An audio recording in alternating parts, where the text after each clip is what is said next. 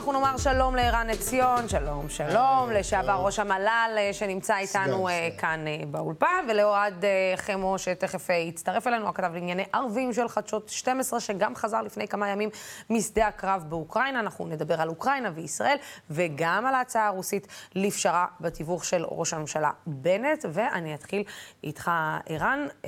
בואו שנייה רגע נבין הערכת מצב, איפה אנחנו עומדים בכלל בסיפור הזה של אוקראינה, כי זה נראה...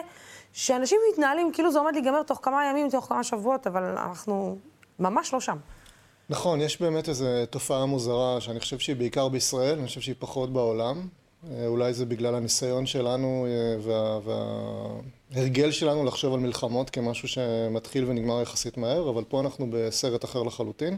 אנחנו מדברים על אה, אירוע שכמוהו לא היה, אפשר ללכת עד מלחמת העולם השנייה. או עד התמוטטות ברית המועצות. בכל מקרה אנחנו מדברים על באמת סדר גודל היסטורי.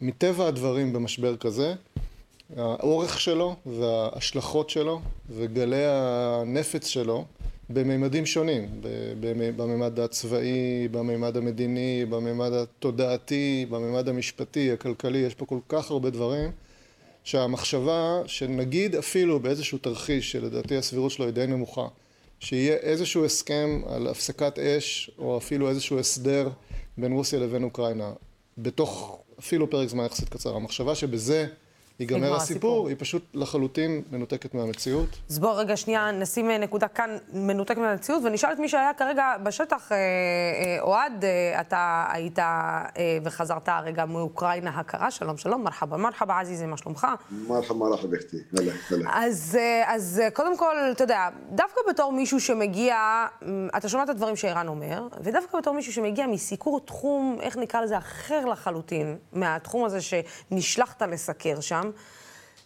אתה עומד שם ואתה אומר לעצמך, רגע, אנחנו באיזשהו סצנריו הזוי לגמרי, או שזה סצנריו שמה אנחנו בהלם? תשמעי, מה שהיה מעניין, אני חושב, אצלי, זו ה... אמ, זה בעצם הדבר הכי מעניין בכל החוויה שלי, הייתה העובדה שראיתי את המעבר ממדינה שהיא מאוד מזכירה אותנו. אה, קייב תעשי ממש אה, שווה תל אביב, לכל דבר ועניין.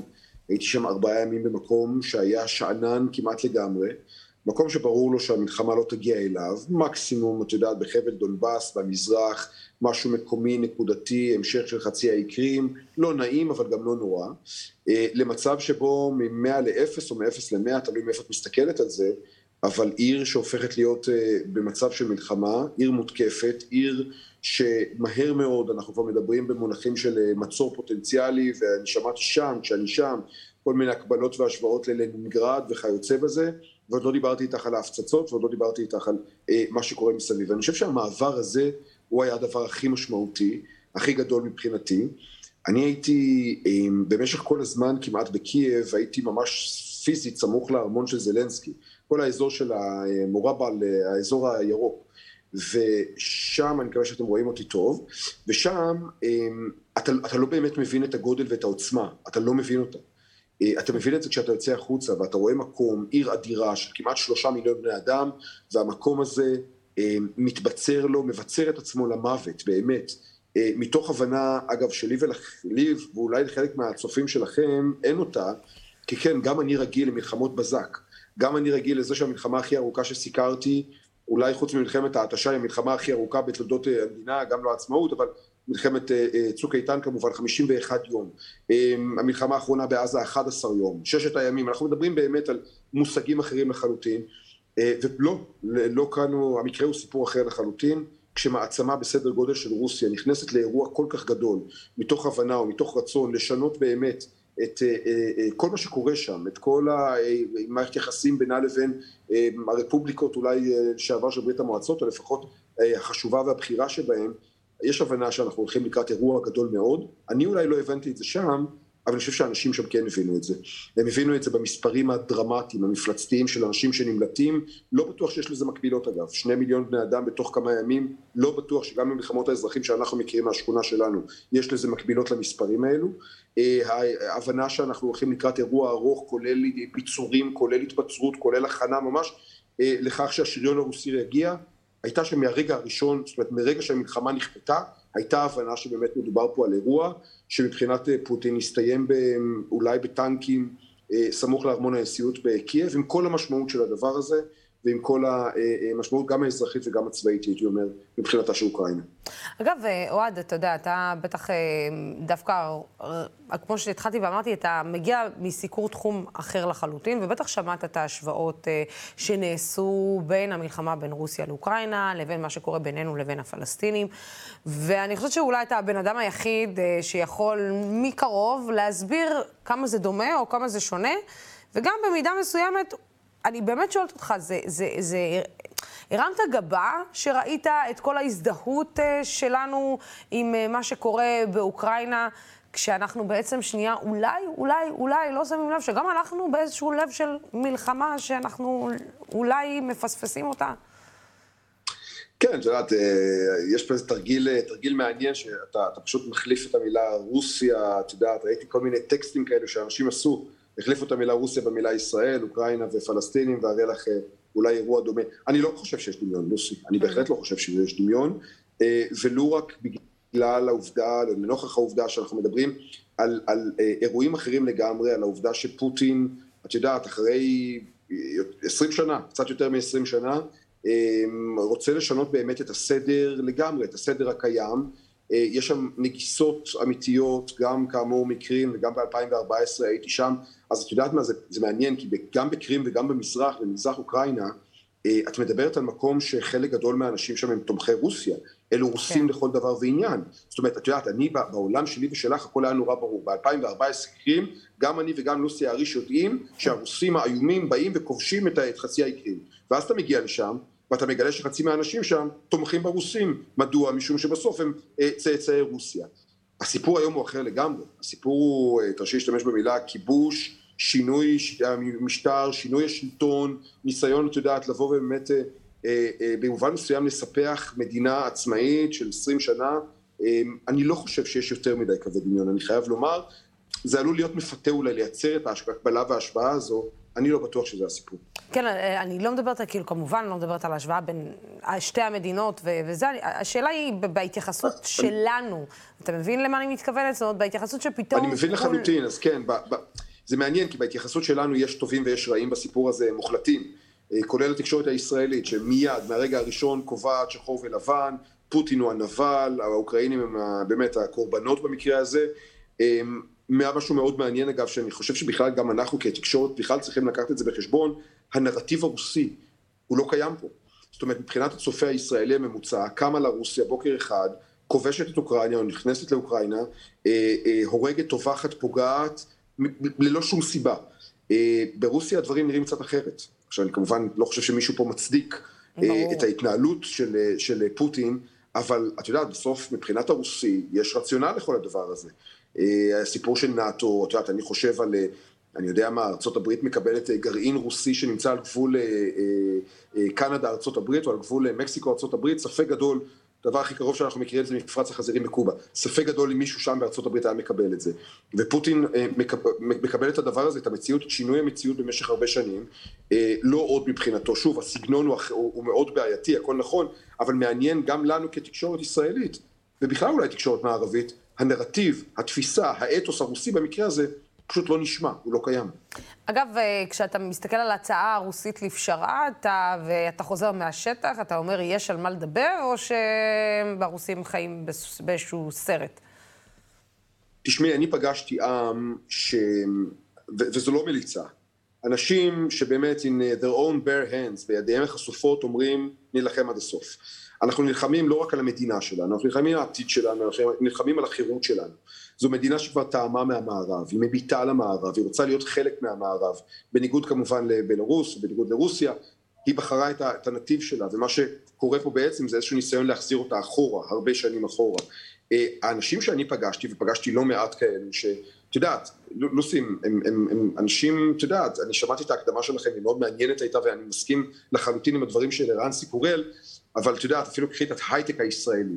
יש שם הייטקיסטים, יש שם עשרים אלף הייטקיסטים שעובדים עבור ההייטק הישראלי, זאת אומרת, הם באמת, אני אומר, אני מסתובב בקייב, אתה מרגיש כמו בתל אביב, ואותם תל אביבים, סליחה, אותם אוקראינים מקייב, קמים בוקר אחד, הם נכפית עליהם מלחמה, והאנשים האלה מוכנים להילחם עד הסוף. אה, אני שמעתי שיח ושפה מאוד מיליטנטיים, מאוד לא, לא פשרנים ומאוד לא מתפשרים. את יודעת, דברים משתנים, יכול להיות שעוצמת המכבש הרוסי כל כך גדולה שאולי דברים ייראו ויישמעו אחרת, אנחנו כבר שומעים את הדברים שאומר זלנסקי לגבי הצטרפות לנאטו, אבל האדם הפשוט מהרחוב, לפחות זה שאני פגשתי, אמר, אני מוכן למות ולהרוג, הכל כדי לא להיכנע לרוסיה. אני מוכן להילחם עם בקבוקי מולוטו, ואני ראיתי אלפים כאלה, ולעצור את הטנקים הרוסים באמצעות בלוקים ואת יודעת, רלסים של, של רכבות, אני אעשה הכל על מנת לא לאפשר לרוסים באמת להיכנס ובעצם לשלוט בנו פה. הרוח שאני שמעתי הייתה מאוד מיליטנטית, אני אומר, אני חזרתי בסוף השבוע האחרון, אני חושב שדברים קצת השתנו מאז, המתקפה הרוסית הפכה להיות הרבה יותר גדולה, הרבה יותר משמעותית, הכפפות הוסרו, רוסיה פוגעת אה, אה, גם בקבוצות, באזרחים כמובן, אנחנו רואים את זה גם כמובן אה, בקייב, אנחנו רואים את זה בחרקוב, בדרום, במקומות שונים, מריופול וכולי, כך שבסופו של דבר יכול להיות שהדברים, שאני שמעתי לפחות, הרוח משתנה. כן, אוהד חמו, תודה רבה לך. אני מקווה שאשתך לא עשתה לך בלאגן הזה, שבכלל מראש יצאת לדבר הזה, כי אני הייתי עושה בלאגן, סבבה. אבל שמחים לראות אותך כאן, נמצא איתנו. זה עתיק אל-עאפיס, למועדק, תודה רבה. כן, ערן, אתה שומע את הדברים האלה. בסוף השטח מדבר אולי קצת אחרת, אבל האם הצעת הפשרה הרוסית בכלל מראה על איזשהו כיוון של רצון לראות את הדברים, או, או להגיע לאיזושהי באמת פשרה, או שזה סתם, בערבית אומרים, על העין הקטע, רק כדי להראות לכם שאנחנו כן. רוצים? קודם כל, צריכים להיות זהירים, קשה לדעת, אני יכול להגיד מה, ש, מה שלי נראה. נתחיל מזה שעצם ההסתכלות על המשבר הזה, שוב, בממדים, או ב, ב, בתווך שבין רוסיה לאוקראינה, כביכול זה הסיפור, ושם זה הולך אה, להסתדר או להידרדר, היא טעות. בסופו של דבר אוקראינה היא בכלל לא הסיפור פה, הסיפור פה הרבה יותר גדול, פוטין קורא תיגר על הסדר העולמי כולו, לדעתי יש, יש בחשיבה שלו מקום מאוד גדול לסין, הוא זיהה נכון שארצות הברית וסין בעצם מעל הראש שלו במידה מסוימת עומדות לעצב מחדש את הסדר העולמי בצורה שעלולה לפגוע באינטרסים שלו ולכן הוא עושה פה איזה סוג של מבחינתו אפשר לומר בחוכמה אסטרטגית מסוימת, הוא אסטרטג לא קטן בכלל, סוג של מכת מנע לפני שסין וארצות הברית עושות את הסדר הזה מעל הראש שלו, הוא מראה לשתיהם, ובעיקר לסין, שהוא עדיין שחקן, שיש לו את היכולת אה, להשפיע ולעצב את הסדר העולמי, לפחות, את, ה, את סדר היום העולמי, לפחות לתקופה מסוימת, ועל אדמת אירופה, שכמובן מאוד חשובה לאמריקאים, וגם לסינים. ובמובן הזה יש פה איזה סוג של אה, disruption מכוון מבחינתו, בממדים היסטוריים, ובמובן הזה הוא כבר הצליח. כלומר, מי שחשב שאפשר והיו כאלה בארצות הברית שחשבו, כולל נשיאים, כולל אובמה, ש-famously said שרוסיה היא בסך הכל כבר מעצמה בירידה, מדינה של 140 מיליון איש אז פתאום הדברים נראים אחרת לכולם. לא רק שזה נראים אחרת, זה, זה כן. נראה שפתאום גם העולם מסתכל על ארצות הברית ועל ההתנהלות, שבמיוחד, לי ההרגשה היא שזו, ממה שגם אני מבינה וקוראת, mm-hmm. זו שעת מבחן מאוד גדולה גם לארצות הברית. כי בעצם נכון. ההתנהלות של ארצות הברית במשבר הזה יכולה להשליך שנים קדימה, גם על איך ש... סין רואה את הדברים, גם במזרח התיכון. אין ספק, אבל לזכותו של ביידן ואנשיו ייאמר שהם הבינו את זה, ומהרגע שהם עלו לשלטון, במובן מסוים כבר התכוננו לאירוע הזה, למרות שהם לא צפו אותו. ככל שידוע לי, אני מדבר על נגיד לפני שנה. בחודשים האחרונים כבר כן, אבל מהרגע הראשון הם בעצם אמרו, ובכל הנאומים שלו ובכל הניירות האסטרטגיים שהם הוציאו וכולי, הם אמרו, תראו, מבחינתנו העימות הגדול שלנו הוא עם סין, והעימות הזה הוא הרבה יותר מאשר איזשהו עימות אה, כלכלי או צבאי או מדיני. הוא עימות היסטורי, ציוויליזציוני, בין שתי אה, שיטות, בין השיטה הדמוקרטית-ליברלית לבין השיטה הסמכותנית, שסין כמובן מייצגת אותה, במובן דומה למה שברית המועצות ייצגה בעבר בתקופת המלחמה הקרה. כלומר, הם הבינו את זה והם נערכו לזה. ופוטין כמובן נמצא בהסתכלות הלטעמי נכונה הזאת, המסגור הזה של ה... של העידן שאליו אנחנו צועדים, ושוב, דוברה פה על עשרות שנים. פוטין נמצא בצד הסיני, ו- והם נערכו לזה במובן הזה. אז דבר ראשון צריך להסתכל על זה ככה, ולא ברמה של האם בסעיף 2 ד' בהצעה שהוא הגיש ל- לאוקראינה, זה, זה סתם או שזה הצעה רצינית. אחרי שאמרנו את כל זה, יש כן משמעות לאירועים בשטח, והאם ניתן יהיה או לא ניתן יהיה לעצור את הלחימה. אז אני חושב שההצעות האלה של פוטין, שהן בסך הכל די דומות למה שהוא הציע מלכתחילה, והעמדות האלה של זלינסקי, שהן בסך הכל די דומות למה שהוא אמר מלכתחילה, עשויות להיות ושוב צריך להסתכל על זה בצורה הרבה יותר ארוכת טווח, okay. עשויות להיות איזושהי פאוזה במהלך הלחימה, כבסיס למשא ומתן או אפילו כהתחלה של הסכמות, שאין להם משמעות בהכרח ארוכת טווח, אבל יכולה להיות להם משמעות במובן הזה שהם יאפשרו לשני הצדדים לומר שהם השיגו מספיק מכדי לעצור את הלחימה ולהתארגן מחדש. זה לדעתי המקסימום שאפשר לצפות מה, מה, מהדיון הזה. אגב, ההתארגנות מחדש של רוסיה, כשבעצם אנחנו מבינים שאולי הרצון שלה לשנות את uh, מאזן הכוחות, נקרא לזה בצורה כזאת או אחרת, uh, כנראה ירד לטמיון, או שלא היה מוערך מספיק נכון אסטרטגית, ש... יכול להיות שמה שרוסיה ציפתה זה שפשוט אנחנו ניכנס והכל יקרוס אחרי הכניסה שלנו, והם לא יצליחו לעמוד בזה, והם לא צפו לא את הסנקציות ולא צפו את, ה, כן. את ההתנגדות האוקראינית. יכול להיות שהרצון הזה באמת אולי אחרי דבר כזה, או אחרי פאוזה, כמו שאתה אומר, באמת ההערכה הראשונית של אובמה, שבעצם רוסיה היא הולכת במגמת ירידה, יכול להיות שכאן מתחילה הנקודה? זאת אומרת שפוטין בעצם באמת זה, טיפס זה, על איזשהו עץ גבוה מדי, ו- יש, ועכשיו... יש הרבה היגיון במה שאת אומרת, ו- ואם אנחנו מנסים איכשהו לעשות בזה סדר, כי זה באמת נורא מסובך, אין ספק שפוטין הופתע משני דברים, גם מחוסר ההצלחה שלו בשטח, כתוצאה מכל מיני סיבות, לא משנה, ומהמהלך הבאמת מרשים ביותר של ממשל ביידן ביחד עם האיחוד האירופי, שלשניהם מגיע בעיניי קרדיט עצום על התכנון של המהלך הזה ועל הביצוע שלו, שהוא באמת הצליח להנחית על, על רוסיה ועל פוטין מכה שהיא אה, אקוויוולנטית במושגים כלכליים להירושימה ונגסקי. כלומר, הם חטפו פה פיגוע או פיצוץ גרעיני מסוג שהם לא דמיינו, ואני חושב שאפילו ביידן והאירופים לא דמיינו עד כמה זה ילך מהר ובאיזה עוצמה זה ילך, ומה תהיה התגובה של החברות העסקיות. עסקיות לדבר הזה. שנוטשות את רוסיה גם כן בקצב מטורף ובהיקפים מטורפים, ובבת אחת מחזירות את רוסיה עשרות שנים לאחור מבחינה כלכלית, מאיימות למוטט את הכלכלה, למוטט את המטבע, אה, להחזיר את, ה, את הרוסים, את העם הרוסי כולו, באמת לאיזשהו עידן שהם היו בטוחים כולם ש, שכבר לעולם לא יחזור, ואפילו גרוע מזה, כי אחרי שטעמת מהמקדונלדס והסטארבקס של העולם, לחזור לשנות החמישים זה מכה לא, לא קלה. ברור. אז uh, אני חושב ש, שבינתיים, במובן הזה, פוטין ללא ספק מופתע, אבל uh, זה לא נגמר. אנחנו שוב, אנחנו נוטים להסתכל על זה כאיזה מין קרב אגרוף, הנה הסיבוב הראשון נגמר, הסיבוב השני נגמר, והקרב נגמר. כן, רודנים לא גם, אה, ראה כן. ערך אה, בשאר אל-אסד, שהיו בטוחים נכון, שזהו, גמרנו, לגמרי. סיימנו, מאחורינו, זה, רודנים לא נכון. נוטים לעזוב את המקום שלהם כל כך, אה, בכל כך לגמרי. מהירות. תישאר איתנו רגע, ערן, כי יש גם התפתחויות, נמצא איתנו הפרשן לענייני ערבים אהוד יערי, שלום, שלום לך, מרחבה מרחבה, תודה רבה שהצטרפת אלינו. אנחנו בעצם הצטרפת לנו כדי לדבר גם על ההשפעות על הסכם הגרעין וההשפעות האפשריות על, על החתימה שלו עם איראן, אבל, אה, ואיך המלחמה בכלל באוקראינה משפיעה, אבל עוד לפני זה אנחנו נשמח אה, לשמוע התייחסות שלך לפגישה בין הנשיא הרצוג לנשיא, אה, לנשיא טורקיה ארדואן, שנערכת היום, ועכשיו יוצאים ממנה בעצם הפנינים הראשונות שאומרים, שבה אומר הרצוג שהייתה תקופה של משבר, הייתה תקופה של קיפאון, וזו תקופה ששתי המדינות צריכות לצאת ממנה. אמ, לדעתי, לוסי, מה שצריך לעשות, וכך כתבתי ואמרתי, זה ללחוץ בחום את היד של ארדואן ולא לחבק אותו. אה, יש לנו סיבות אה, טובות מאין כמוהן אה, לרצות בשיקום היחסים עם טורקיה. אני לא בטוח שארדואן ינצח בבחירות שיש לו בשנה הבאה. לא עם המצב הכלכלי הנוכחי, ואני חושב שבוז'י הרצוג, הנשיא הרצוג, הוא המבוגר האחראי המתאים ביותר לעשות את המהלך הזה.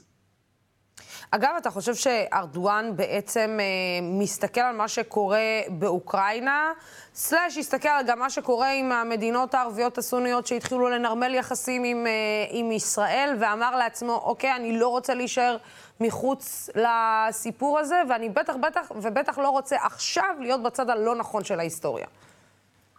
ההחלטה של הטורקים היא נפלה כבר לפני כמה חודשים. אה, וההחלטה לא נוגעת רק לישראל, אנחנו כולנו מרוכזים כל הזמן בעצמנו, ואנחנו לפעמים מחטיאים את התמונה הכללית. אה, ארדואן עושה עכשיו פיוס עם האמירויות, הוא עושה פיוס עם סעודיה, אויבתו הגדולה. אני מזכיר לך את פרשת רצח אה, אה, ג'מאל חשוקג'י באיסטנבול. Mm-hmm. הוא עושה פיוס עם מצרים, שם הולך לו יותר לאט, אבל הוא מתקדם. הוא עושה פיוס איתנו, וגם הוא מפזר קצת חיוכים ליוונים. הוא משנה עוד לפני שהתחילה אה, הפלישה הרוסית אה, אה, לאוקראינה, והרקע הכללי לזה זה לא רק מה שאומרים המצוקה הכלכלית הנוראה שאליה הוא הכניס את ארצו, כן? יש שם מיליונים, מיליונים שפשוט התרוששו כן.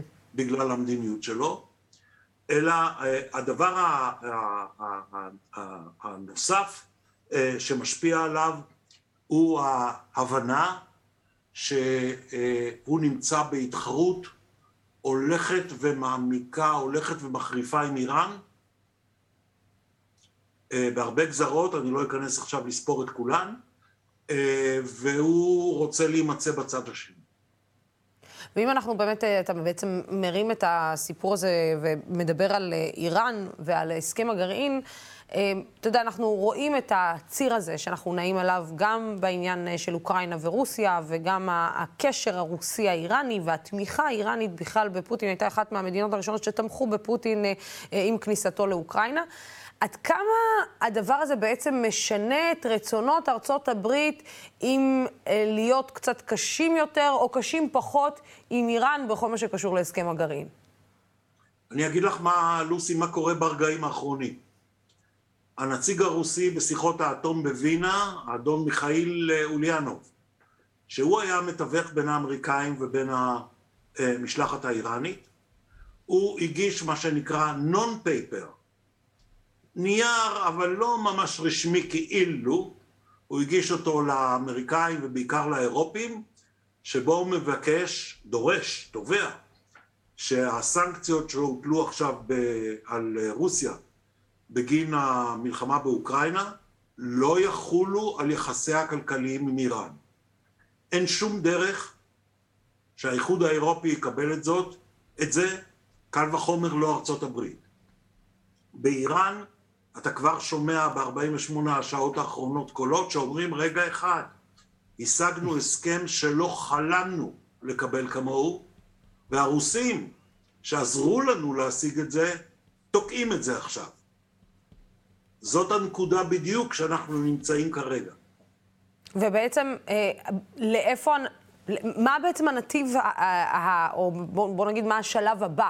שאם הרוסים בעצם תוקעים את זה בהתנהלות שלהם, אה, אתה התחלת ואמרת שאנחנו כמובן אה, רוצים להכניס את עצמנו לכל דבר, אבל אי אפשר להתעלם מהעובדה שגם עינינו נשואות לעבר ההסכם הזה. אם הרוסים בעצם תוקעים את כל הדבר הזה בהתנהלות שלהם, איפה אנחנו בעצם נכנסים בלקחת אותנו בחשבון או לא לקחת אותנו בחשבון עם הדאגות שלנו לגבי ההסכם?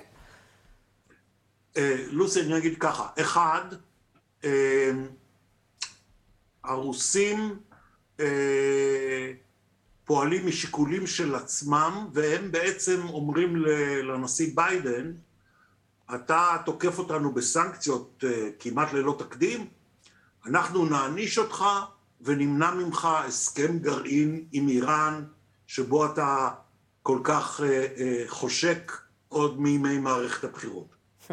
הדבר השני הוא שאנחנו צריכים להבין שההסכם שמדובר בו זה לא חידוש הסכם הגרעין מ-2015, זה הסכם הרבה יותר גרוע, אה, זה הסכם שכולו, אני אומר את זה באחריות, תאמיני לי, זה הסכם שכולו אחיזת עיניים, כי האיראנים נמצאים עכשיו, לפי מיטב המומחים, אל תקשיבי לי, מרחק שבועיים שלושה, ולא שנה כמו שרצה אובמה, מאגירת uh, כמות חומר שמספקת לפצצה ראשונה, ומרחק של פחות חודש, מחודשיים לאגירת חומר מועשר שדרוש לפצצה שנייה. אז uh, הנקודה השלישית שאני חייב להתעכב עליה ברשותך היא ישראל לא הייתה שם. ישראל לא הייתה ממש בחזית, לא לסכל את ההסכם, אבל לנסות למנוע הסרה שיטתית של הסנקציות, שההסרה הזאת שווה לאיראן חצי טריליון דולר, לא מעט כסף. ישראל לא ממש הייתה שמה בשאלה של אוקיי, חוזרים להסכ... להסכם הגרעין, אנחנו בסדר, נשלים עם זה, אבל בואו קצת תיקונים, שינויים וכולי. מה יקרה לצנטריפוגות שהאיראנים פיתחו? מה יקרה לכל הכמויות העודפות של חומר מועשר שהם מחזיקים עכשיו? לפי מיטב ידיעתי, הכוונה היא להשאיר את זה בתוך איראן. זאת אומרת, אתה אומר בעצם, אהוד, שאנחנו היום במצב הרבה יותר גרוע ממה שהיינו לפני חתימת, אה, בליל חתימת ההסכם אה, הראשון. זאת אומרת, אנחנו מרוב, ההתנג... מרוב ההתנגדות שלנו לכך וכך וכך וכך, בסוף לא השגנו שום דבר, ואפשר להגיד שהאיום עלינו הרבה יותר גדול ממה שהוא היה לפני כמה שנים. אני, אני הייתי מחזיק את האיום בצד, כי אני לא רואה את האיראנים רצים לפצצה גם כשהם קרובים אליה, בטווח שאני יכול לראות. אבל לגופו של עניין, כן, ההימור של ישראל, של ביבי.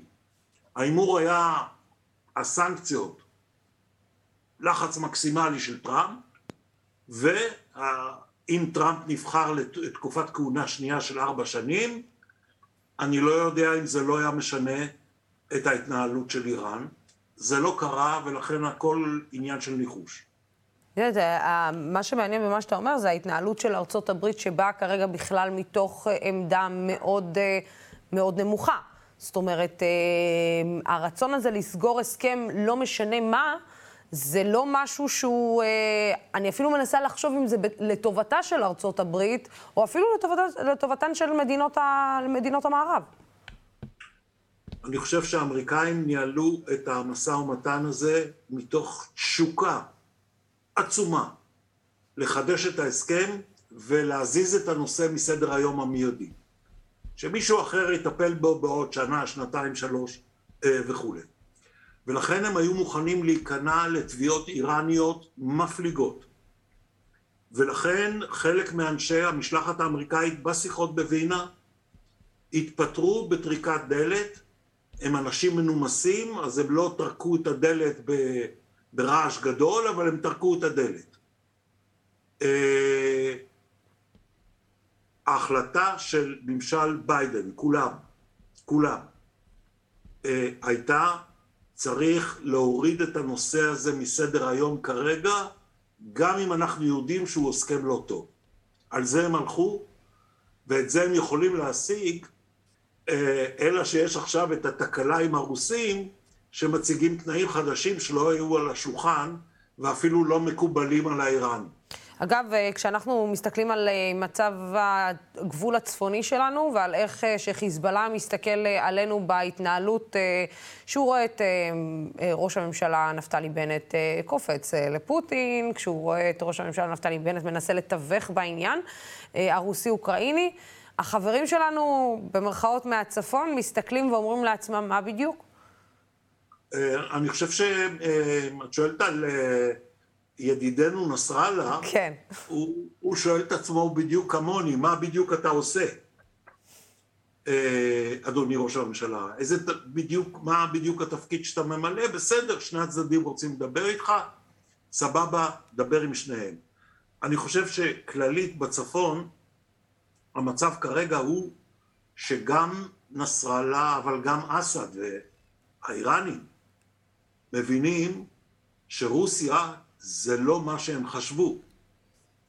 אם יש לי 30 שניות, אני אגיד משהו על זה, ברשותך לוסי.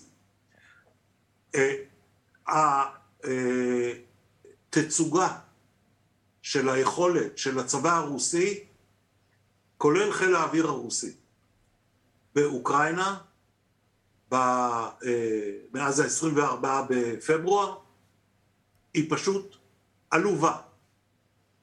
ההתנהלות שלהם, הטקטית ובלוחמת הקרקע, בלתי נתפסת. אה, פוטין כבר לא ישיג את מה שהוא רצה. אני לא יודע איך זה ייגמר, אני לא נביא. את מה שהוא רצה ואיך שהוא רצה, זה לא יקרה. ואני חושב שכולם מסביב מבינים את הדבר הזה, כולל חברינו בבונקר בביירות. כן. אהוד יערי, תודה רבה לך על הפרספקטיבה הזאת ועל הפרשנות הזאת שלך. תמיד תענוג לדבר איתך ולראות דברים אה, מהזווית, אה, מזווית אחרת אה, ממה שאנחנו בדרך כלל שומעים. אתה יודע, מאוד קל אה, לדבר. אנשים מאוד קל להם לדבר את עצמם למוות אה, בכל מיני מקומות כאלו ואחרים. אה, תודה רבה לך, אה, אהוד אה, יערי, על הדבר הזה. אני רק רוצה להראות לכם את הסקר אה, אצלנו על המסך, בסקר שנערך בדקות אלו בקרב הצופים שלנו. 58% חושבים שההתנגדות של המערב אל מול רוסיה, ההתנהגות, סליחה, אה, של המערב אל מול רוסיה היא נכונה, ו-42% טוענים שלא, שזה אחוז יחסית אה, מאוד אה, גבוה. ערן, אתה שומע את הדברים האלה. אנחנו בסוף, בסופו של דבר, אנחנו צריכים גם רגע שנייה עם כל הצניעות, גם אנחנו חושבים על עצמנו בסיפור הזה.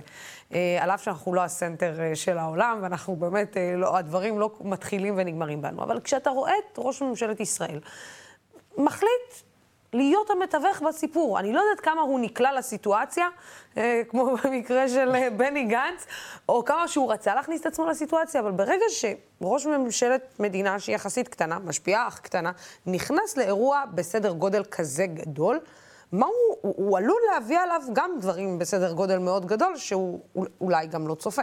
תכף אגיד את זה, אבל אני חייב חצי מילה בהתייחס לדברים שאהוד אמר על ההסכם, כי אני לגמרי חלוק עליו, mm-hmm. אז אני לא אפתח את זה עד הסוף, אבל אני לא רוצה להשאיר את זה ככה. אה, אני חושב שהוא טועה בשני סעיפים עיקריים. אחד, בהערכת אה, מרחב התמרון האפשרי שהיה לאמריקאים ולישראלים לצורך העניין בהקשר של הסכם הגרעין. הטענה שלי שלא היה, לא לאמריקאים ובטח שלא לישראלים. האמריקאים... בהסכם הראשון הזה? לא, לא, עכשיו, עכשיו. עכשיו, עכשיו אוקיי. כן. הם הגיעו בנקודת פתיחה שהייתה סופר סופר בעייתית, שהיא תוצאה של הנטישה של טראמפ, של טראמפ. של נתניהו את ההסכם. מצב שהאיראנים התקדמו מאוד בהשערה, תחת טראמפ, וגררו רגליים גם תוך כדי המשא ומתן, כי האיראנים חכמים בניהול המשא ומתן. והביאו את האמריקאים למצב שבאמת לא הייתה להם ברירה. כי אין חלופה אמיתית להסכם הזה. זה הדבר העיקרי שהייתי רוצה שהצופים והצופות שלנו יבינו. עם כל הביקורת עליו, שאני לא שותף לחלקה לפחות, אנחנו עוד גם נראה מה יהיה כתוב שם בסופו של דבר ומה יקרה עם החומר, ועוד יהיה לנו זמן לדבר על הפרטים. אבל הדבר שכל אחד, אחד ואחת צריכים לשאול את עצמם הוא כזה, מהי החלופה לחתימה על ההסכם? והתשובה היא שאין חלופה כזאת. זאת אומרת שזה או ממצב אין, שאין לנו אין. בכלל control על מה שקורה באיראן, נכון. ל semi control על מה שקורה שם? א', אני חושב שזה יהיה יותר, זה כן יחזיר אותם אחורה, זה כן יציב אותם במרחק משמעותי מכמות חומר מספיקה לפצצה, וכמובן גם אילו חלילה תהיה להם את כמות החומר, המרחק מכאן ועד פצצה הוא, הוא עצום. Mm-hmm. רק היום יצא דוח אה, מודיעין אמריקאי חדש ועדכני, שאומר שוב, בפעם המי יודע כמה, את מה שרוב הישראלים מעדיפים להדחיק או, או לנסות לסתור למרות שאין להם שום כלים לעשות את זה, שאיראן איננה מבצעת שום פעולות במטרה להגיע לנשק גרעיני, נקודה. וזה מיטב הערכות, הערכות של שירות המודיעין הטוב בעולם. אז על מה לעזאזל אנחנו מדברים? אנחנו מדברים על מצב שבו זה או לחתום על הסכם, שכן הוא לא מושלם. מבין ההצהרות שלהם, אין להם כן. שום רצון על פי הערכות המודיעין להגיע? הם לא עושים, רצון זה סיפור אחד. מה הם עושים בפועל? הם לא עושים. אין להם את מה שנקרא קבוצת הנשק, הם הפסיקו את הפיתוח, שוב, אני לא אכנס פה לכל הפרטים כי אין לנו זמן. לא, זה הפסקת פיתוח בעקבות חיסול אנשים כאלו ואחרים, ו... לא רק, לא רק, הם גם מיוזמתם, הוא גם אמר את זה, אהוד. לא, הוא אמר שגם לדעתו, אפילו אם הם יצברו וכולי, הם לא הולכים לרוץ לפצצה. כן, זה נכון. אז זה, אלה הדברים החשובים ואיכשהו הם הולכים לאיבוד. ואנחנו נכנסים עוד פעם להיסטריה של אוי אוי אוי, יש פה הסכם רע. קודם כל, עוד נראה. שנית, רע ביחס למה? ביחס לאלטרנטיבה. אין אלטרנטיבה. אין דבר כזה לצאת למלח... למלחמה... זה גם מה שנתניהו לא סיפק, אלטרנטיבה. נכון, ספק אם ניתן היה לספק, אבל הוא בוודאי לא עשה את זה. ועכשיו ישראל משקיעה הרבה מאוד כסף בשביל לייצר אלטרנטיבה. אני טוען שגם על זה צריך לדבר, גם זה לדעתי אה, הליכה בכיוון לא טוב. והייתי אומר אפילו בזבוז של כסף. אין דבר כזה מהלך, מהלך ישראלי עצמאי ללא אמריקאים, ואם יהיה מהלך אמריקאי, אז ישראל במידה רבה תהיה שחקן משני, נגיד את זה ככה, ולא יהיה מהלך אמריקאי, כי הם לא רוצים לצאת למלחמה הזאת והם יודעים היטב למה. אז מכל הבוכלטריה המאוד סבוכה הזאת, עם מה אנחנו נשארים? ההסכם הזה, קודם כל בואו נראה בדיוק אם הוא ייחתם, כי אכן הרוסים עושים פה איזה מהלך של הרגע האחרון, ואני חושב שבסופו של דבר הוא כן ייחתם. נראה אחר כך מה בדיוק יהיה בו ומה יהיו המשמעויות שלו. האמריקאים לא טיפשים, האמריקאים לא חלשים, האמריקאים יודעים בדיוק מה הם עושים, והם לא לבד שם, נמצאים שם גם הסינים, גם הרוסים, וגם המעצמות האירופיות, ואם כולם הגיעו למסקנה שהחלופה הכי טובה שיש להם זה לחתום על ההסכם, אז הם צודקים. והישראלים יכולים לצעוק עד מחר בבוקר שהם היו עושים את זה יותר טוב, או שהם היו יכולים להשפיע על סעיף כזה או סעיף אחר, לדעתי, אני אהיה בוטה, זה שטויות. אוקיי. כן. אה, אז בהתייחס, כן. ולא עניתי לך ל... בהתייחס, כי היה חשוב גם לענות על העניין, זה ברור. אה, אז תזכירי לי שוב מה שאלת, סליחה. הסיפור, כן. זאת אומרת, כמה המעורבות בעצם של נפתלי בנט בתוך הסיפור הזה עלולה עוד להתפוצץ לנו בפנים. אני חושב שזה מהלך אה, תמוה, בלשון המעטה.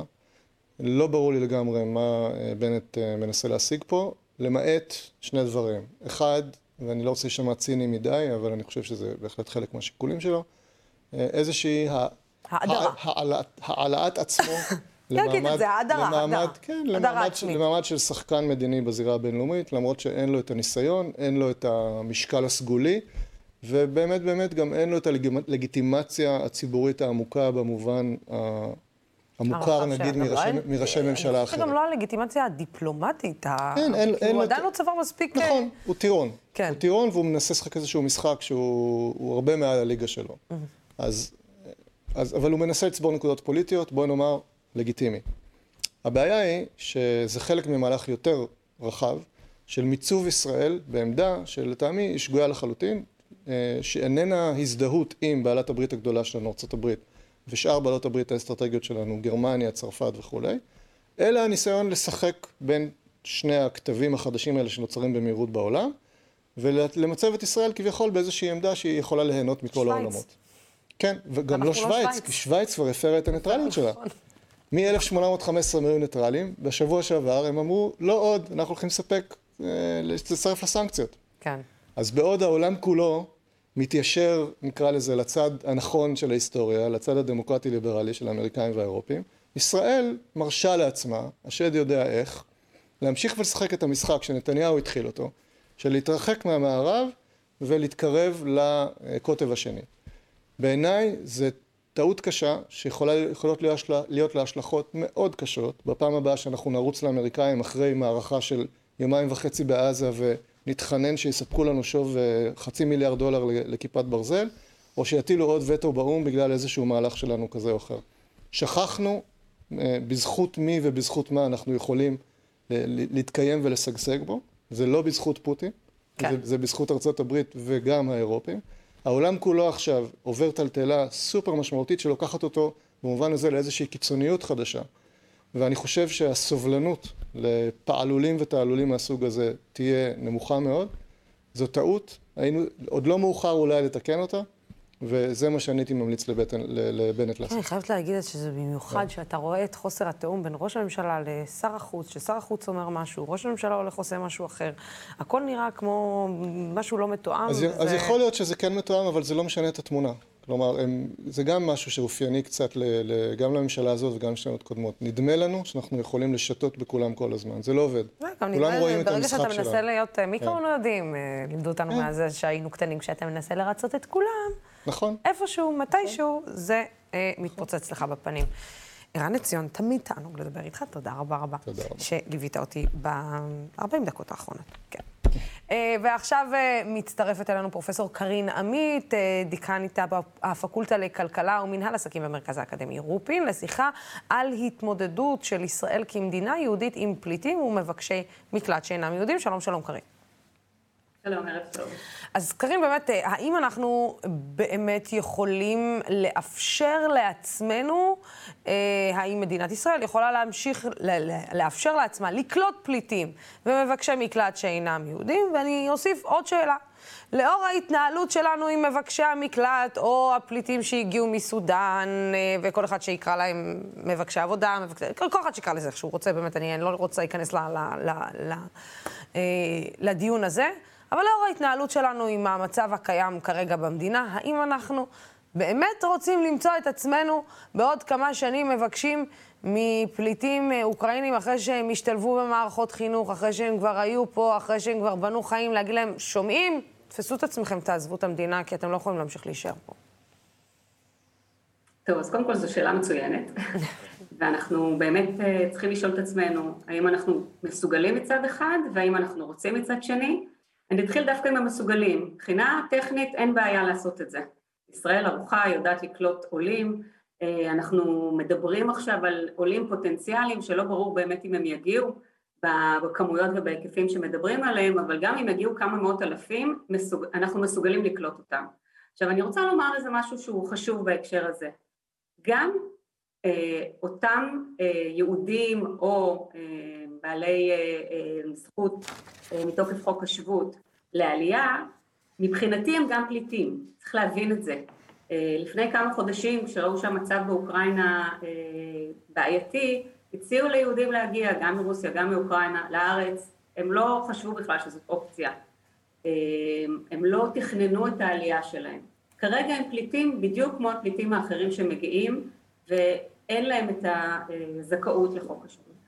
עכשיו השאלה היא, האם אנחנו רוצים או האם אנחנו, וזאת השאלה היותר משמעותית, אני חושבת שמבחינה מוסרית אין לנו כל כך ברירה. אמ, אני גם מאמינה שלא מדובר פה על מספרים אה, לא מוגבלים, אמנם יש שני מיליון פליטים שעזבו את אוקראינה, אבל רובם לא רוצים להגיע לישראל, רובם המכריע, אוקיי? גם אם הם מגיעים כרגע למולדובה ולפולין, הם גם, גם לשם לא רוצים להגיע, רובם היו רוצים לחזור חזרה מרגע שהמצב שם משתפר, ואם לא, אני מעריכה שהם ירצו להגיע למקומות כמו גרמניה, או מקומות שהם יודעים מראש שהם יכולים להשתלב בהם.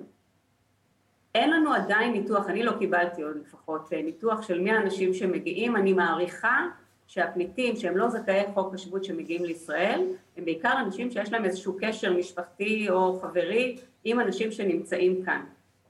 די ברור שהם באים לתקופה די מוגבלת. אני חושבת שאנחנו מבחינה מוסרית, כשאנחנו רואים את המצב הזה, אנחנו לא יכולים להגיד להם, טוב, אה, לא מתאים, זה אמנם את אה, גיסתך חיה פה בארץ, אבל אין מה לעשות, אנחנו לא נקבל אותך כאן. אני חושבת שזאת ממש בעיה, לאור העובדה שאנחנו חתומים על אמנת הפליטים של האו"ם, אנחנו לא יכולים לעשות את זה. עכשיו באמת מדובר פה על מגה אירוע, זה לא איזה אירוע קטן. איכשהו מכניסים, ואת דיברת קצת על הגדרות, אז נוח להגיד, יש לנו כבר עשרים אלף פליטים כאן מאוקראינה, אבל זה לא מדויק, האנשים שנמצאים כאן מאוקראינה, מהגרי עבודה שהגיעו עוד קודם, חלקם חוקיים, חלקם לא חוקיים, נכון, הם לא יכולים לחזור כרגע הביתה, כי נשקפת סכנה אמיתית לחיים שלהם, אז, אה, אז אפשר להגיד שיש איזשהו אלמנט של פליטות, אבל לא קיבלנו אותם אה, מתוך איזושהי מכסה של פליטים. כרגע אה, המדינה מוכנה, בהסכם, מה ששמענו אתמול משרת הפנים, לקבל 5,000, כ-3,000 כבר נמצאים פה, זאת אומרת עוד כ-2,000. אני חושבת שזאת חובתנו. לפחות אה, בתקופה המאוד אה, קצובה הזאת, וצריך להבין שפליטות היא מראש זמנית, זאת ההגדרה שלה. אה, ובכל זאת, את יודעת, כשאנחנו רואים את, את, את ההתנהלות גם המוסרית שלנו, בואי נודה על האמת. שבהתחלה אנחנו יכולים להיות uh, מקסימים ו- ו- ונחמדים, אני מדברת אנחנו כמדינה, כן? לא כפרטים, כי כפרטים אנחנו עושים דברים בלתי... נ... ש- שאי אפשר אפילו לקלוט אותם בנכונות שלנו לעזור. אבל כמדינה, בהתחלה המדינה יכולה לבוא ולהגיד, כן, פתחתי, הנה, הכנסתי, הנה, תראו, הנה, תראו, זה יופי, אנחנו גם נעשה סרטי הסברה ונסביר ונראה לעולם איך מתנהגים, אבל אז עוברת לה איזושהי תקופה, ואז בשקט בשקט המדינה מתחילה איך נגיד, לסגור את הטבעת על אותם אנשים, ולא משאירה להם הרבה מאוד uh, ברירות, ואף מבחינה מוסרית מתנהלת הכי הכי גרוע שיכול להיות. ואת יודעת מה, אני אפילו לא רוצה אפילו לפתוח, כי פתאום צץ לי בראש גם הסוגיה של צד"ל, ואיך המדינה התנהלה עם, ה, עם אנשי צד"ל. ואת יודעת, ואני שואלת את עצמי, האם בכלל, מבחינת מוסר, אנחנו יכולים לעמוד בדבר הזה? נהיה אמיתיים וכנים עם עצמנו. אני חושבת שזה מורכב באמת ויהיה קושי, אבל המורכבות הזאת קיימת גם בקבלה של זכאי חוק השבות, שהם לא יהודים על פי ההלכה, וגם איתם יש לנו התמודדויות, ומדובר פה על כמה מאות אלפים, אז עדיין, אם אנחנו מדינה שחרתה על דגלה, אה, שקודם כל הוקמה בעקבות אה, מצב של פליטות, כן? ורוצה להוות איזשהו בית אה, לאנשים ממוצא יהודי וגם קרובי משפחותיהם. יש פה אלמנט הומניטרי גם של איחוד משפחות לגבי אותם אנשים שמגיעים. וצריך להבין, אין לנו גבול יבשתי עם אוקראינה לשמחתנו, אוקיי? כן. בסופו של דבר אנחנו מקבלים אנשים שבוחרים להגיע לפה, טפטוף מאוד קטן, מתוך הרבה, שני מיליון אה, פליטים שבוחרים להגיע למקומות אחרים. אז אני לא חושבת שעכשיו אנחנו, ברגע שישראל תגיד, אנחנו מוכנים לקבל קצת יותר, יהיה כאן אה, מספר בלתי נגמר. צריך להבין שגם הפליטים, כמו שאנחנו מחבקים אותם, אה, לפחות את, את אותם פליטים ממוצא יהודי, כרגע אירופה מאוד מחבקת את הפליטים, דיברת מקודם על מבקשי מקלט או קבוצות אחרות, זה הרבה פחות בולט היה בתקופה של המשבר הפליטים מסוריה, אוקיי? כרגע יש חיבוק מצד המדינות הסמוכות, ואני מניחה שגם גרמניה, אם המשבר הזה יימשך, ירצו את אותם פליטים. הפרופיל שלהם הוא פרופיל שהוא רצוי אה, באירופה, גם בגלל המאפיינים שלהם. זה, מזה, זה פשוט שלהם. מזעזע, את יודעת, כשאנחנו מדברים על פרופיל. זה עצוב, אבל זה המצב. זה מזעזע, כי את יודעת, אה, בתור מישהי שראתה את הפליטים אה, הסורים כמה פעמים ביוון, וראתה את כל מה שהם עברו, ואת האטימות של העולם, וסגירת השערים, ו- וה- ונתינת הטבות לטורקיה, דרך אגב, כדי שהיא תהיה הקיר הברזל, כדי שהם לא יגיעו אה, אה, לאירופה. את יודעת, האמירה הזאת היא, היא מחרפנת. אה, זאת אומרת נכון, שמה שמתאים לנו לפרופיל יכול להיכנס אלינו ומה שלא, לא. זה מאוד קשה לשמוע את זה. אני כרגע דיברתי על אירופה, אנחנו, הפרופיל אצלנו הוא פשוט מוצא יהודי. אה, כן. אבל הפרופיל אה, לאירופה, שזה גם אפשר כמובן להרגיש אי נוחות גדולה מהעניין הזה, אבל צריך להבין שאני לא צופה, ופה אם אנחנו מדברים על ההקשר הישראלי, אני לא צופה שאנחנו נוצף בפליטים מאוקראינה.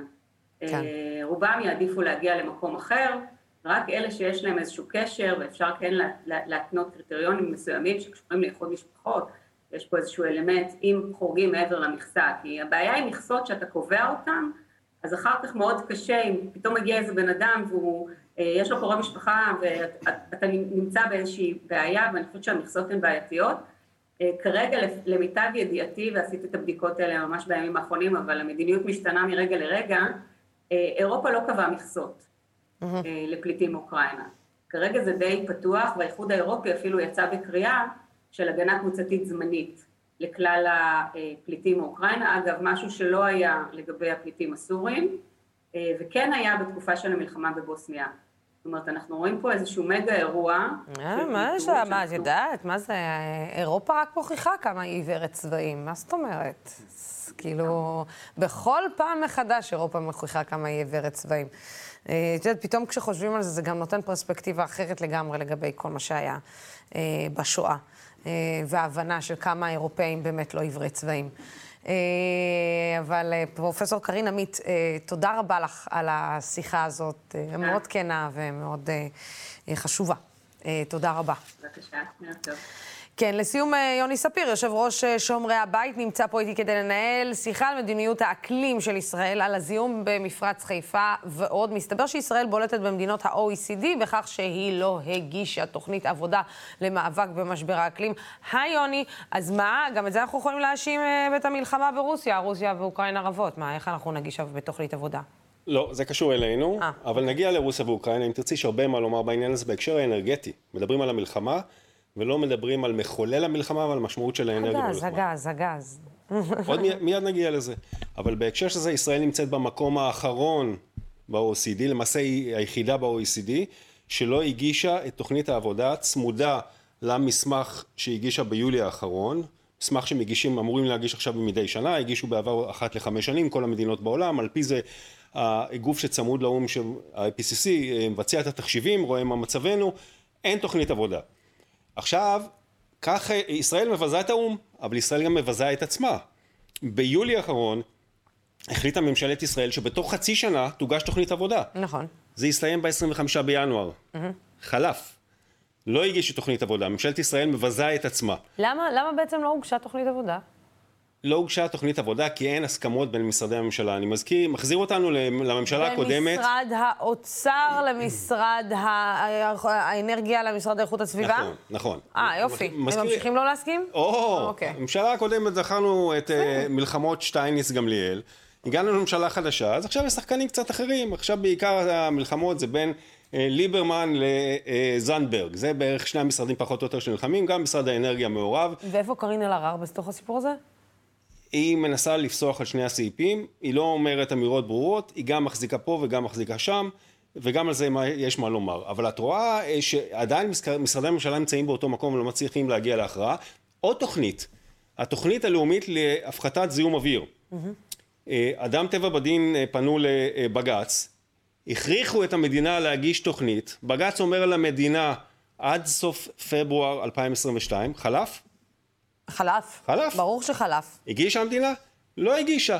זאת אומרת, מדינת ישראל גם מבזה את בג"ץ. לא רק את עצמה, לא רק את האו"ם, גם את בג"ץ. למה תוכנית להפחתת זיהום אוויר רלוונטית לנושא האקלים?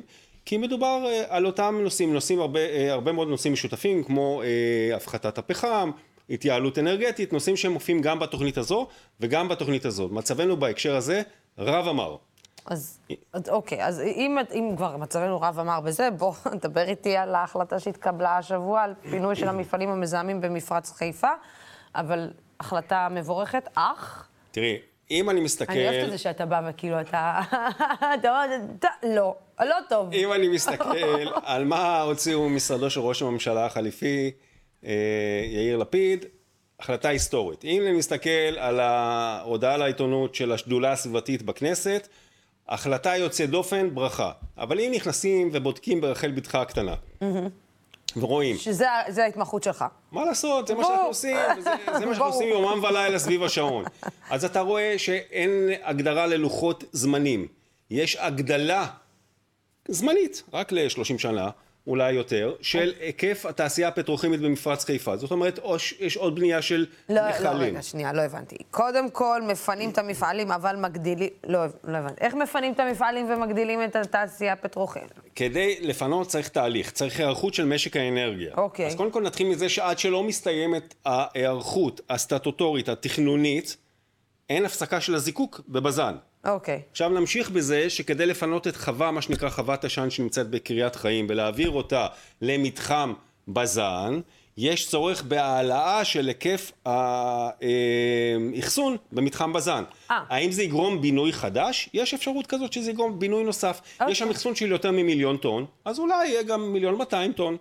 אה, אז פה יש קושי אחד, אבל יש גם קושי שהמדינה צריכה להיערך לקליטה של תזקיקים כי הרי צריך יהיה לייבא תזקיקים, כי בז"ן, הבתי הזיקוק, לא ייצרו לנו יותר תזקיקים עבור המכוניות וכך הלאה. אז בונים לנו עוד מכלים של 550 אלף, בונים עוד מכלים עבור הגפ"ם, שזה גז אה, הבישול שלנו, גז החימום שלנו.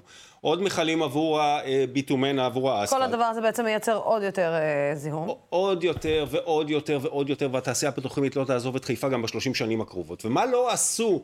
והם לא מוכנים לנקוב בלוחות זמנים, אז בעצם אתה אומר... ואין תקציב, והם לא מוכנים לנקוב בלוחות זמנים. אז בעצם אתה אומר שזו החלטה פופוליסטית לחלוטין. אני חושב שההחלטה הזו פופוליסטית, אולי מישהו שם מריח בחירות, אין לי מושג. אה, גם האמירה כל אחד של כל השרים, כולל השרה זנדברג, כבר פנינו אליה לא פעם אחת. בהקשר הזה מריחה לי פה איזשהי אה, דיל פוליטי. האם עשו דיל פוליטי על חוק האקלים, שהאוצר התנגד לו עד היום? האם נראה בפתח את חוק האקלים שהוא חוק אקלים מקוצץ? לא ברור לי מה מתרחש שם. מה שכן ברור לי, שממשלת ישראל לא עשתה עבודה עם תבונה. ואני אגיד לך מה הייתי עושה לו הייתי שר האוצר. הנה, נותן עכשיו עצות לליברמן. לו אני לא שר... לא יודעת אם הוא יקשיב. הוא לא יקשיב, לא- אבל אני מוכן לתת. אולי באגף התקציבים שם מישהו כן יקשיב. אה, אה, מדינת ישראל יכולה הייתה להיות נורבגיה. מה קורה בנורבגיה היום? יש אה, בעקבות עידוד מיסויי מצד הממשלה, מעבר מהיר מאוד לרכבים חשמליים, למעשה מוכרים היום יותר רכבים חשמליים מאשר רכבי בנזין בנורבגיה, והתחזית היא שב-2025 יפסיקו למכור רכבים מונעי בנזין.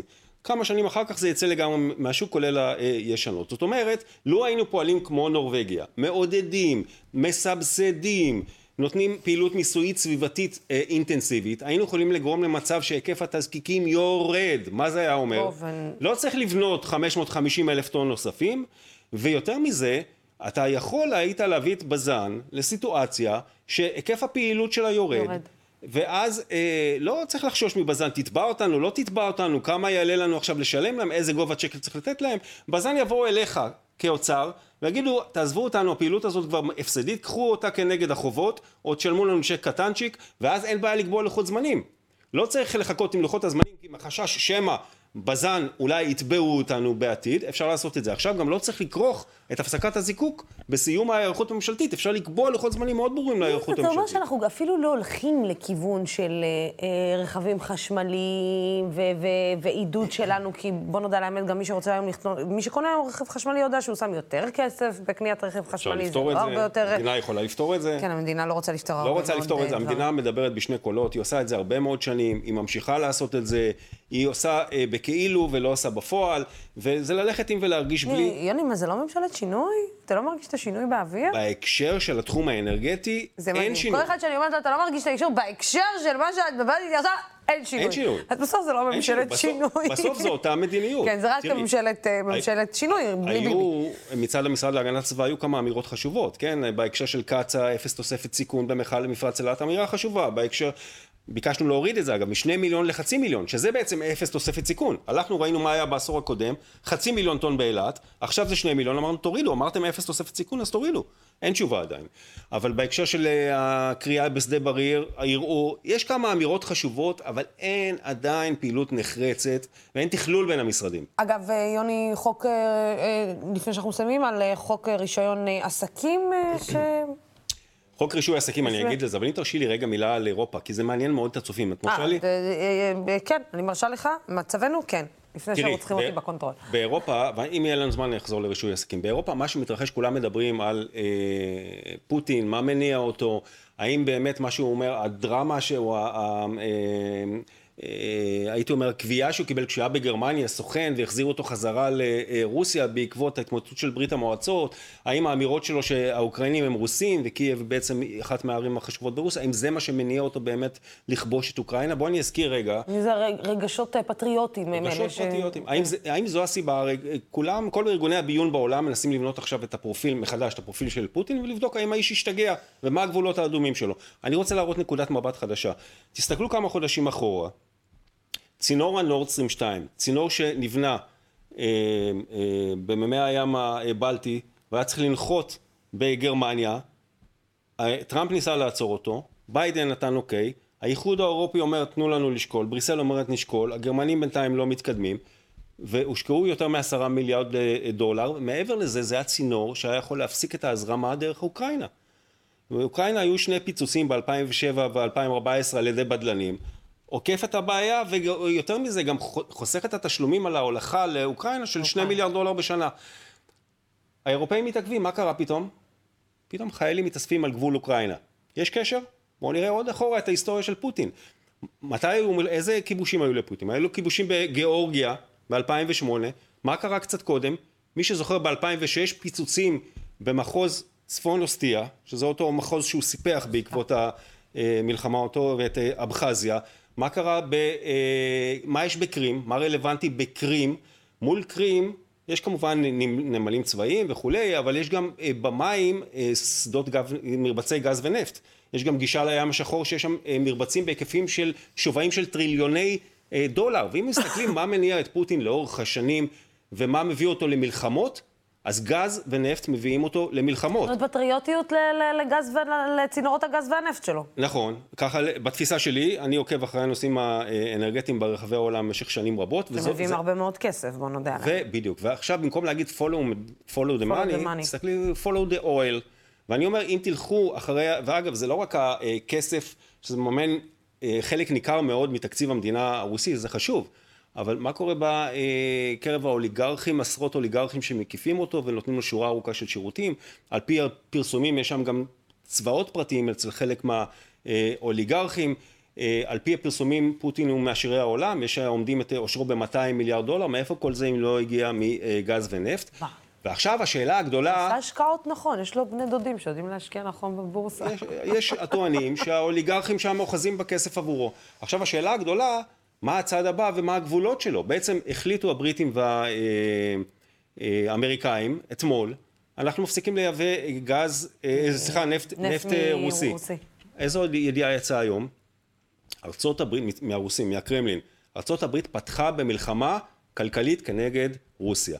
זאת אומרת, עד עכשיו כל מה שהיה, סגרו את אה, מערכת הסוויפט, העברה, וה- הלאימו מטבע חוץ, הוציאו מחוץ לחוק... עסקים אה, יצאו משם. שורה ארוכה של סנקציות, לא דיברו על זה, ופתאום קצת נפט, אגב זה 3% מהנפט האמריקאי, סגרו את הברז לקצת נפט, מלחמה כלכלית. מה שאני רוצה להגיד, תסתכלו על נקודת המבט הזאת, תראו איך חושב פוטין, אם אתם עכשיו באמת משרטטים בארגוני הביון את הפרופיל של פוטין, הקו האדום, האדום שלו זה פגיעה ביכולת שלו להזרים גז ונפט. ואם האירופאים הכריזו אתמול על אה, מערכה בהקשר הזה עד 2030, או הרבה קודם, כך לטענתם, הם רוצים להיפטר מהתלות בדלקים הרוסיים, יש שם 40 אחוז גז, 45 אחוז פחם, 25 אחוז מהנפט, ואם אה, אה, הגרמנים אומרים עד 2030 80 אחוז אנרגיות מתחדשות, עד 2035 לא מייצרים יותר חשמל מדלקים וכולי, זה מבחינת פוטין קו אדום. זאת אומרת, צריך להסתכל על זה שאם זה באמת מה שמניע אותו, ואפשר לראות את זה מתחילת כהונתו, מ-1999 עוד שנת ברור. 2000, אפשר לראות מה מניע אותו, זה עלול להביא, בראייה שלי, בניתוח שלי, אם הניתוח שלי הוא אכן הזווית הנכונה, מלחמת עולם. ככה אני חושב. אני חושב שנגעו לו בציפור נפשו, ועל זה צריך להסתכל. אה, אגב, זאת, המלחמה הזו אפשר לקרוא לה מלחמת הדלקים המאובנים. ואולי סוף סוף העולם באמת ייגמל עם דלקים מאובנים, כמו שהחליטו האירופאים בעקבות המלחמה הזו. יוני, אתה יודע, אני חושבת שאת אה, כל האייטם הזה היינו צריכים אה, להתחיל ב... ישראל הבטיחה שהיא תעשה, תעשה כל מיני הסכמים, אה, לא קיימה אותם, ואז היינו צריכים לעבור לאוקראינה ורוסיה, כי זה הסיפור כנראה שגם בסוף משפיע עלינו. לגמרי. בין אם אנחנו רוצים לשים לב או משפיע לא. על כל העולם. תיקחו את ה... באמת, את הרגע שנייה, שלוש דקות האחרונות שהיו פה, ותעכלו את מה ששמעתם. יוני ספיר, כמו תמיד, תודה רבה לך. תודה לך. אה, שהגעת אלינו. מחר אנחנו נשדר אה, בשעה שש מהדורה מיוחדת, מהדורת הכתבים שלנו לסיכום השבוע עם ישראל פריי, שאתם כבר מכירים, ויחד איתו עם אורלי בויום ורועי מעוז, הכתבים החדשים שלנו. לאחר מכן, בשעה שבע בערב, אנחנו נשדר לכם את התוכנית החדשה של אמילי אמרוסי, היהדות שלי, בה היא מדברת עם דמויות שונות מהעולם היהודי על סוגיות מעניינות. אני ואתם נתראה מחר וגם ביום ראשון. שוב אה, אהיה, בעצם יום ראשון אני לא אהיה, סליחה, הנה, אפילו העורך שלי לא שם לב, אני לא אהיה ביום ראשון אה, למהדורה, אה, אבל אה, אני גם לא ביום אה, שלישי, אני פשוט נוסעת רגע, הפסקה לחו"ל. אל תדאגו, חוזרת תוך שנייה וחצי. עד אז, תודה רבה לצופים ולשותפים של דמוקרט TV. התוכנית הזאת אפשרית רק בזכותכם ובזכותכן אה, בימים כמו אלו הולכת ומתחדדת החשיבות של ערוץ תקשורת שלא מפחד להביע עמדה נחרצת בעד הדמוקרטיה ובעד שלטון החוק, בעד המאבק בשחיתות ובעד מגוון של דעות. עוד לא הצטרפתם אלינו כשותפים? אתם רציניים? מה נראה לכם? למה אתם מחכים? share, זה, כנסו, תשלחו, זה, תצטרפו. ביי, סלמת.